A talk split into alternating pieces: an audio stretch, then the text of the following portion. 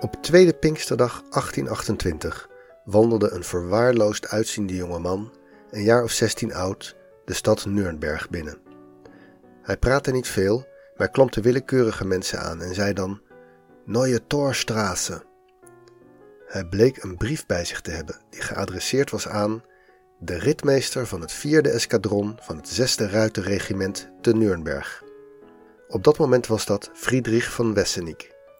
Een schoenmaker nam de jongen mee naar de woning van van Wessenik en deze probeerde hem te ondervragen, maar het enige wat de jongen kon zeggen was: Ik wil een ruiter worden, zoals mijn vader ook was.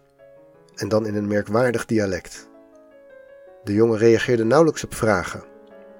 Als ze aandrongen, kwam er uiteindelijk nooit meer uit dan weet niet en tranen. Tot ieders verbazing bleek hij wel zijn naam te kunnen schrijven. Caspar Hauser schreef hij op. De brief die hij bij zich had, had als aanhef van een onbekende plaats aan de Beierse grens, 1828. Hij was niet ondertekend, maar de schrijver beweerde een eenvoudige dagloner te zijn, bij wie 16 jaar eerder een zuigeling te vondeling was gelegd. Hij had het kind leren lezen en schrijven en had hem christelijke gebeden geleerd, maar hij had hem nooit een stap buiten de deur laten zetten. Al dus de brief. In de paar jaar hierna ontwikkelde Caspar Hauser zich tot een internationale celebrity.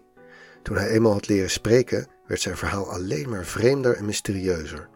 Uit heel Europa kwamen mensen om hem te zien en er werd wild gespeculeerd over zijn ware identiteit. Hoe dit raadselachtige levensverhaal verder afliep, kan je terugvinden in Wikipedia. Maar als je gewoon een paar weken afwacht, hoor je het ook in een van de afleveringen in het komende tweede seizoen van Nooit Geweten.